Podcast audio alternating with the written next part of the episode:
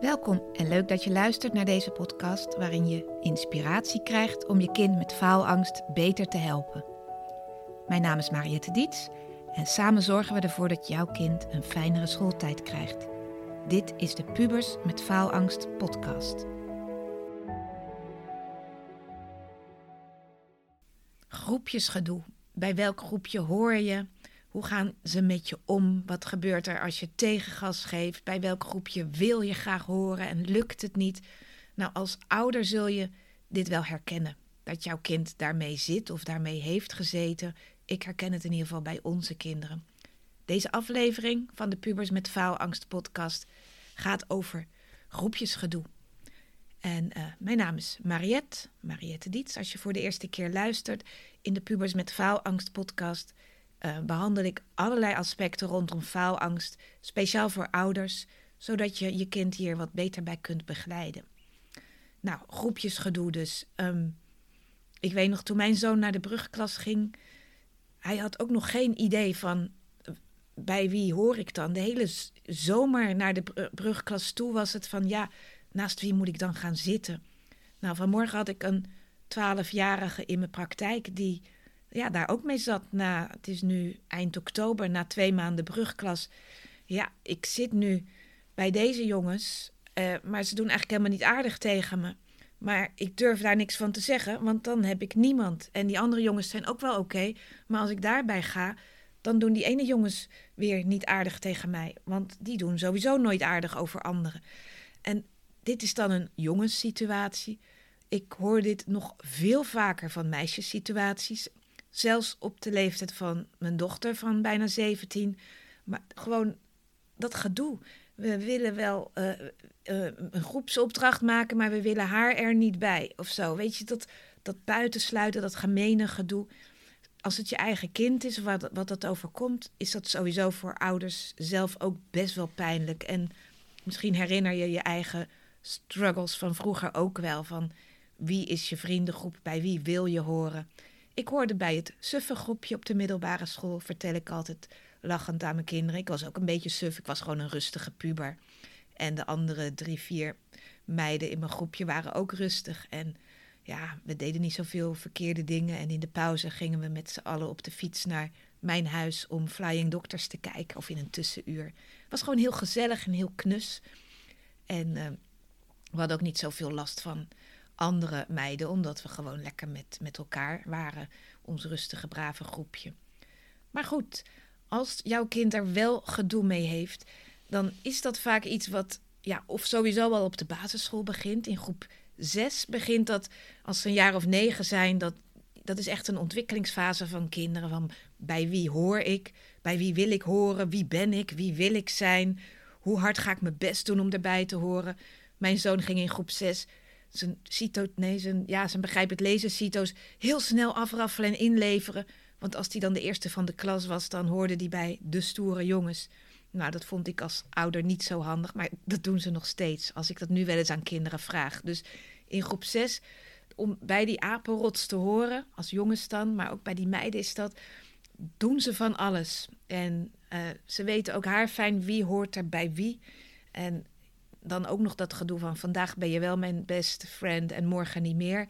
Heel ingewikkeld. Nou, dan ga je naar de brugklas. Dan is het nog een gaatje spannender, want je gaat vaak of in je eentje erheen of met een paar kinderen van je basisschool die eigenlijk niet je vrienden zijn soms. Um, hoe kom je dan weer in een nieuw evenwicht? En vaak ontstaat er een soort van evenwicht aan het begin van het schooljaar, maar wordt dat op, op een gegeven moment ook wel weer gehusseld? Dat je toch andere kinderen beter gaat leren kennen en toch weer bij een ander groepje meer aansluiting vindt. Maar als je er middenin zit, zoals die jongen die ik vanmorgen sprak, dan is dat bijna niet te overzien. Als grote mensen of de mentor zegt: Ja, maar ik denk dat jij over een paar maanden veel meer met dat groepje zult optrekken dan nu. Kinderen zitten er eh, ja, middenin en weten nog niet zo goed ja, hoe ze daarmee om moeten gaan. Uh, zeker als anderen onaardig tegen je doen. Dan gaat het over hoe ga je met grenzen om. En in mijn praktijk doe ik dat soms letterlijk. Zet ik een kind op de grond met een touw eromheen van... dit is jouw grens. Jouw personal space, zeg maar, jouw grens. Um, En wat doe je als iemand er overheen gaat? En dan ga ik ook letterlijk met mijn voet een beetje wiebelen aan die grens. En ehm, kijken hoe ze reageren. En dan kan je op de fight, flight, freeze manier reageren. Of je vecht terug, of je, uh, je flight, je vlucht uit je cirkeltje en je laat een ander erin. Of je bevriest helemaal je doet helemaal niks. Dat is voor kinderen wel leerzaam. Van hoe kan je je grenzen aanvoelen? Wanneer gaat iemand over je grens? Nou, als iemand jou een weet ik veel, een kaakkind noemt of zo, is dat wel duidelijk een grens dat je daar best wel iets van mag zeggen, zeg maar. Ehm, maar ook als ze zeggen: Ik uh, kan vanmiddag niet met je afspreken, want ik moet naar de tandarts. En dan zie je op Snapchat dat ze bij anderen zijn. dat soort van die kleine gemene dingetjes. Dat is een grens waar iemand overheen gaat. En de vraag is dan: hoe ga je daarmee om? Heb je genoeg zelfvertrouwen om daar op een handige manier op te reageren? Nou ja, de kinderen die ik in mijn praktijk krijg, die zijn of te agressief daarop. Dus die, ja, die vechten van zich af, waardoor ze het moeilijk hebben. Uh, want dan komen ze weer in de problemen en krijgen ze weer straf. Of dat zijn juist de kinderen die ja, niet, niet reageren, die te stil zijn, die, ja, die denken dat negeren het handigst is. Nou, ik doe vaak een spel met kinderen. Dat, is, dat heet het weerbaarheidsspel voor pubers is gemaakt door Thea Adema, bij wie ik de kindercoachopleiding heb gedaan. En dat spel legt heel visueel ook uit dat er vier manieren zijn om te reageren op als iemand over je grens gaat. En de eerste manier is een verdrietige smiley. En dat staat voor subassertief. Dat betekent dat je anderen over je grens heen laat lopen. Dat, je, dat je niks zegt als iemand iets onaardigs doet. Um, dat je je mond houdt, of zelfs verdrietig bent, of niks zegt en dan thuis nog eens tegen je ouders van uh, dat, dat is gebeurd. Dat noemen we subassertief en dat is de, ja, de, de, de, de huilsmiley eigenlijk. De tweede smiley die ik dan laat zien is de agressieve. Dat is een boos gezichtje. En dat is degene die, ja, agressief, die gaat over de grens van een ander. Dus uh, als iemand over jouw grens gaat en je reageert agressief, dan ga je dus terugschelden of fysiek de ander pijn doen. Je gaat over de grens van de ander. De derde methode is dan een blije lachende smiley en die staat voor assertief. En assertief is eigenlijk vooral de ik-boodschap. Betekent niet dat je er altijd een brede lach bij moet hebben, maar het is wel met een stevige stem op een rustige manier uh, en met een duidelijke lichaamstaal, schouders recht, uh, ogen goed de ander aankijken, dat je zegt: Ik vind, puntje, puntje, puntje. Ik vind het niet leuk dat je dat doet. Ik vind het niet fijn als je zo dichtbij komt. Ik vind het niet oké uh, hoe jij je gisteren gedroeg. Dat je dus echt iets met ik zegt. Dat is assertief. En dat is best lastig. Die vind ik nog lastiger dan de vierde. Ik, toen ik twintig was, zeiden ze ook tegen mij: Je moet assertiever zijn. Op mijn werk, 25 was ik denk ik. Assertief is best een lastige, maar ik vind dat. Dat je het echt duidelijk. En vaak denken kinderen dat ze meer. Waarom doe jij dat? Waarom dit? Waarom dat? Maar het begint met dat je van jezelf uit vertelt: Ik vind het niet leuk dat je zo doet. En dan kan je daarna zeggen: Wil je daarmee stoppen? Niet zoals op de kleuterschool: Stop, hou op, ik vind het niet leuk. Dan is de stem niet goed. De tekst is niet stevig. Dus, maar je moet echt stevig staan en zeggen: Ik vind het niet leuk hoe je nu doet. Wil je daarmee stoppen? Dus dat is er een, hele goede om voor je kind te oefenen. De vierde manier is nog handiger. En die noemt Thea Adema elegant je zin krijgen. Ehm, eigenlijk is dat de manier om je zin te krijgen. Ook als je bij je ouders wat gedaan wil krijgen, maar ook bij vrienden, bij kinderen in de klas die vervelend doen, bij docenten waar je je zin niet krijgt. Elegant je zin krijgen staat namelijk voor assertief, wat ik net vertelde. Ik vind het niet leuk dit, of ik, ik merk dat, of ik vind dat.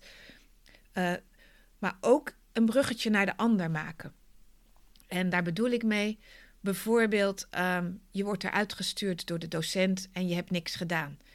Dan kan je zeggen: Ik heb niks gedaan. Maar een bruggetje naar de ander is: Ik snap dat het voor u niet duidelijk is vanuit die hoek, maar dit keer was ik het niet. weet je, ik snap dat. Daar begint hij vaak mee. Ik begrijp dat jij dit of dat.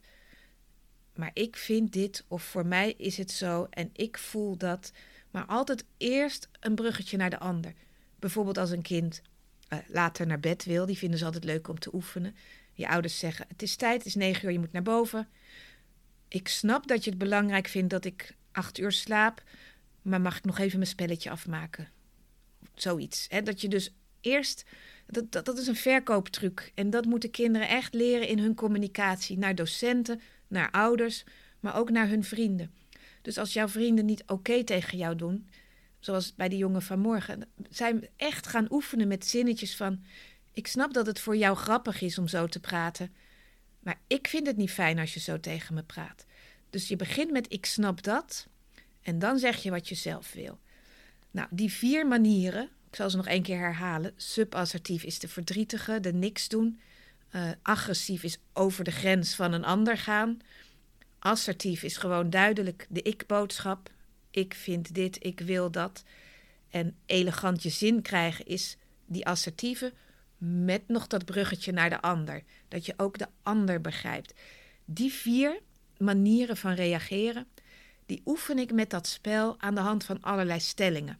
Bijvoorbeeld, ze zeggen in de klas dat jouw kleding en schoenen niet leuk zijn. Hoe reageer je op elke plek? En dan ga ik dat met een kind oefenen. Hoe zou je reageren op deze smiley? Of op deze smiley? Of op deze smiley? En hoe is je stem dan? Hoe kijk je dan? En ook, wat is dan het gevolg? Nou, het gevolg als je niks doet, als je subassertief bent, is vaak dat er niks verandert. En soms is dat prima, want je hoeft niet, het is een beetje pick your battles. Je hoeft niet overal hardop in te gaan. Maar als je dat altijd doet, ja, dan gaan mensen wel steeds vaker over je grenzen. Soms is agressief ook prima. Maar als je dat altijd doet, is dat ook weer niet handig. Want dan krijg jij de naam dat jij die agressieveling bent. Maar soms is het goed om even goed van je af te bijten. Nou, en zo oefenen we met die vier manieren van communiceren. En dan natuurlijk vooral die assertieve en die elegant je zin krijgen. Want dan, ik vind zelf die elegant je zin krijgen heel fijn, omdat je bijvoorbeeld ook makkelijker nee kan zeggen. Een van die stellingen in dat, in dat spel is bijvoorbeeld. Um, weet ik veel. Iemand wil met jou naar die film en wil per se die film kijken. Terwijl jij een andere film wil kijken. Dan kan je natuurlijk zeggen: Ik wil liever die kijken. Maar je kan ook zeggen: um, Ik snap dat jij die wil zien. Maar ik zou nu graag die willen, deze willen zien. Zullen we dan volgende keer die ander gaan kijken? En dan, dat is ook een bruggetje naar de ander. Zullen we dan volgende keer jouw zin doen? En dan ga je een beetje leren onderhandelen. Nou, dit is heel belangrijk voor kinderen om te beseffen. Dat je dus je grens aanvoelt. Wie gaat er over mijn grens? Maar ook dat je die dan duidelijk aangeeft. En dan is het fijn om ook een beetje begrip voor de ander te tonen, want die slikt het dan ook makkelijker. En dan word je heus niet meteen uit de groep gezet. Ik heb die jongen van vanmorgen ook geleerd over, ik weet niet of je dat kent, de roos van Leary. Als jij je groter maakt dan een ander, nou eigenlijk een ander, als een ander onaardig tegen jou doet, maakt hij zich groter. Als jij je dan kleiner maakt door niet te reageren, hou je die hiërarchie in stand. En als je nu naar de video kijkt in plaats van naar Spotify en zo luistert, zie je ook mijn handen. Dit kan je heel goed aan je kinderen uitleggen als je het met je handen uitlegt. Dus als de een zich groter maakt en jij houdt je klein, dan blijft die ander ook groot en blijf jij de kleine. Als jij wat meer van je afbijt, dan gaat die ander vanzelf ook meer naar beneden. Dus je moet daar een beetje de balans in vinden met je vrienden, met je klasgenoten, dat jij je niet te klein maakt. Dus dat betekent dat je af en toe ook gewoon moet vertellen wat het, hoe het voor jou is, je grens moet aangeven en tegengas moet geven. Want hoe kleiner jij je maakt, hoe meer ruimte je je de ander geeft om daarboven te staan. Dat snappen kinderen vaak ook wel. En soms zit een kind ook gewoon in een groepje met allemaal haaibaaien. En is dat misschien niet het meest passende groepje. En dan zijn er vast nog wel andere kinderen in de klas die wat meer zachtaardig zijn. Dus leer ik leer kinderen ook om, om je, kijk eens om je heen. Wie zijn er nog meer? Want vaak zit je dus opgescheept met het groepje waar je het schooljaar mee begon. Maar dat hoeven niet je eeuwige vrienden te zijn. Er zijn er nog meer. En ga gewoon eens aan een ander. Als je daar toevallig een keer naast zit in de klas. Wat, ga eens een praatje maken. Hoe was je weekend? Uh, hoe is jouw wedstrijd gegaan? Gewoon van die kleine dingen. Hoe vond jij het huiswerk? Om een beetje een opening te krijgen van... hé, hey, er zijn nog meer kinderen in de klas... en misschien passen die uiteindelijk ook wel prima bij mij. En uh, dan leer je je kind eigenlijk ook om de blik wat meer te vergroten naar wat is er nog meer. En dan is het ook nog eens de vraag, en die had ik ook aan de jongen vanmorgen gesteld: van als iemand alsmaar onaardig tegen je doet en jij tegengas geeft waardoor ze nog onaardiger doen, zijn dat dan wel je vrienden? Ja, maar misschien heb ik anders helemaal niemand. dat is natuurlijk een angst van kinderen. Straks sta ik helemaal alleen dan is het de vraag: wat is erger? Je de hele dag als vuil laten behandelen of alleen staan en kijken wie er dan nog meer zijn? Dan kom je toch weer bij zelfvertrouwen. Hoe wil jij je laten behandelen door een ander? En ehm, hoe kan je nog meer oefenen in jezelf zijn? En dat kan best betekenen dat dat groepje eigenlijk niet zo goed bij je past. En dan vertel ik ook altijd aan kinderen van... Je hebt vast wel op school wel eens iemand gezien die helemaal zo emo is. Dat betekent hè, wat we vroeger gothic noemden. Helemaal in het zwart, met van die kettingen met spijkers, met hele zware zwarte make-up. Die er alles aan doen om er niet bij te horen. En dan probeer ik ze een beetje te laten invoelen. Wat zou zo iemand drijven om, om zich zo af te zetten tegen de groep? Zou die helemaal eenzaam en alleen zijn? Nee, die vindt het wel prima, want die is helemaal, helemaal zichzelf. En vaak vinden die ook wel weer soortgenoten in dat anders zijn. Dus op die manier, om het wat extreem, met extreme voorbeelden te komen, daag ik kinderen ook uit van hoe erg is het nou helemaal als je alleen komt te staan? Want dat opent ook weer kansen om, ja, om met andere groepjes in aanraking te komen. En soms is het ook gewoon een K-jaar. En heb je niemand in de klas met wie het klikt. En die kinderen zijn er ook. En dat had mijn dochter ook twee jaar lang. Pas in de derde klas kwam het goed. En met een groeps, met een klasse hussel kwam het weer helemaal goed. Dat is niet leuk. Het is helemaal niet leuk voor jou als ouder, maar soms klikt het gewoon niet. En dan is het fijn om te kijken met wie klikt het wel. En ik had ook laatst een jongen die zei: Ik ga vanmiddag met alle kinderen van groep 7 en 8 uh, eh, gamen en lekker frietjes eten en mijn verjaardag vieren. En dan zoek je gewoon vrienden die niet meer bij jou in de klas zitten maar waar je het nog wel heel fijn bij hebt en waar je gewoon helemaal jezelf kan zijn. En soms heb je dat bij de voetbal, of bij de hockey, of bij de scouting, of bij, weet ik veel, bij de kerk als je daarvan bent. Er zijn altijd wel plekjes waar jij gewoon jezelf kan zijn, misschien gewoon met familie. En dan kan je die paar jaren die niet lekker lopen in de klas ook wel overleven. Want dan merk je, als je in een ander groepje wel gewaardeerd wordt, van ja, het ligt niet aan mij. Het is meer gewoon dat er geen klik is. En dat is niet de schuld van de ander en niet de schuld van jou. En soms is er gewoon geen match. Dus ik wil kinderen altijd eerst uitdagen van geef goed je grenzen aan in je vriendenkring als ze je niet oké behandelen. Als het niet lukt, kies voor jezelf. Laat je niet, uh, ja, laat je niet kleineren.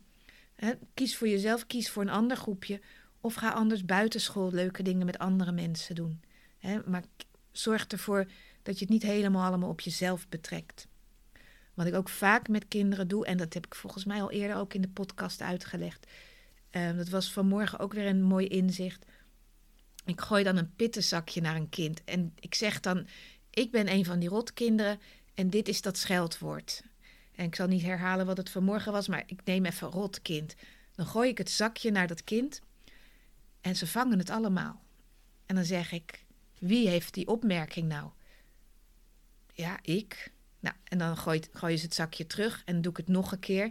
Soms moet ik het wel tien keer gooien en tien keer zeggen: wat kan je nog meer doen? En ze begrijpen me niet en ze kijken me raar aan, want die, die gekke mevrouw die gooit alsmaar een zakje terwijl ze rotkind zegt. En op een gegeven moment zeg ik: je hoeft het toch niet te vangen? En dan laten ze het, of ze gooien het, ze smijten het op de grond. Of ze laten het zo van hun schouder op de grond glijden. Uh, dan oefenen we ook nog met dat je weg kan lopen. En dan kijken we naar die opmerking naar dat zakje wat daar ligt. En dan zeg ik, ja, van wie is die opmerking nou? Ja, niet van mij. Precies. Je hoeft het niet te vangen, je hoeft het niet bij je hart te houden. Het gaat niet eens over jou. Het is een opmerking die een ander naar jou heeft gegooid. Maar het zegt meer iets over de ander. Dus dat is ook altijd wel een fijn inzicht. Je hoeft niet al die opmerkingen te vangen. Dus kinderen moeten leren hun grens aan te voelen. Wat vinden ze nog een grapje? Wat is echt pestgedrag? Uh, wat is echt gemeen? En dan moeten ze beslissen: wil ik hier deze relatie verbeteren met dit kind, met dit groepje? Of ga ik sowieso een andere kant op? Ga ik mijn grens aangeven? Ga ik op een van die vier manieren reageren? En dan het liefst de assertieve of die elegant je zin krijgen, hè, met een bruggetje maken naar de ander. En anders ga ik gewoon oefenen en kijken wie er nog meer in mijn leven zijn. In mijn klas, buiten mijn klas, bij mijn sport. En hoe lekkerder je in je vel zit, hoe leuker het ook voor andere kinderen is om in jouw aanwezigheid te zijn. Dus leer dat ook aan je kind. Dat als je als een bang muisje in een hoekje gaat zitten, ja, dan gebeurt er ook niet zoveel. Dus wees gewoon je leukste jij. Wees de jij die je thuis bent. Laat zien dat je geïnteresseerd bent in een ander. Maak, maak praatjes, oefen met praatjes maken. Dat kan je gewoon leren. Small talk. En dan zul je zien dat je stapje voor stapje gaat ontdekken wie er leuk op jou reageert. Of wie er jou eens een vraag gaat stellen. Of wie er met jou mee wil fietsen of na school wil afspreken. En dit zijn dingen die je aan je kind kunt uitleggen. En ook een beetje met je kind kunt oefenen. Als je kind bijvoorbeeld thuis komt met verhalen hierover, van hoe had je ook kunnen reageren. Vertel ook verhalen over hoe het voor jou vroeger was.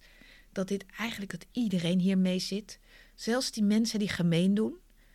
Dat zijn vaak mensen die vroeger ook buitengesloten werden en nu aan de andere kant staan. Dat kinderen een beetje gaan aanvoelen van, ja, hoe werken die dingen? Dat het niet aan hun ligt en hoe ze zijn, maar dat dit zo gaat in groepjes. En dan worden ze door daarover te praten. Ook als jij bijvoorbeeld over je werk vertelt, er wordt ook wel eens geroddeld of onaardig gedaan. Hoe ga jij daarmee om? Ehm, soms kan je het gewoon een beetje luchtig vertellen. Nog niet eens als je kind met een probleem komt, maar gewoon, nou, wat me nu weer gebeurde op werk. En dat je er tegenin bent gegaan. Dat ze gewoon leren van jou, van jullie als ouders, dat dat mag en dat het helemaal oké is. Desnoods verzin je maar verhalen waarin het daardoor goed kwam. Vaak is dat voor kinderen ook wel lekker als het een beetje indirect is. In plaats van dat je aan het preken bent. We hebben als ouders soms de neiging om te zeggen: ja, maar je moet ook meer dit. Ja, maar je moet ook meer dat. En dan gaan ze een beetje in de weerstand. Dus een beetje indirect. Vertel over jouw leven vroeger, nu. En dan zul je zien dat ze misschien een beetje niks zeggen, maar ze, ze doen er heus wel wat mee. Nou, dat was het voor deze aflevering. Heb jij een kind wat erg struggelt met deze dingen? En wil je meer dan deze tips? Ja, boek dan eens een kennismakingsgesprek. Dan kunnen we daar even over praten van wat voor een hulp dan handig is. En uh, sowieso mag je me altijd een berichtje sturen. Bedankt voor het luisteren. En uh, ik spreek je volgende keer weer. Doei doei. Bedankt weer voor het luisteren naar de Pubers met Faalangst podcast. Wil je met mij sparren over jullie situatie? Dan kun je altijd een gratis kennismakingsgesprek inplannen via www.dietscoaching.nl. Vind je deze podcast interessant? Abonneer je dan en geef hem een goede review. Dat helpt mij enorm om nog meer ouders te bereiken.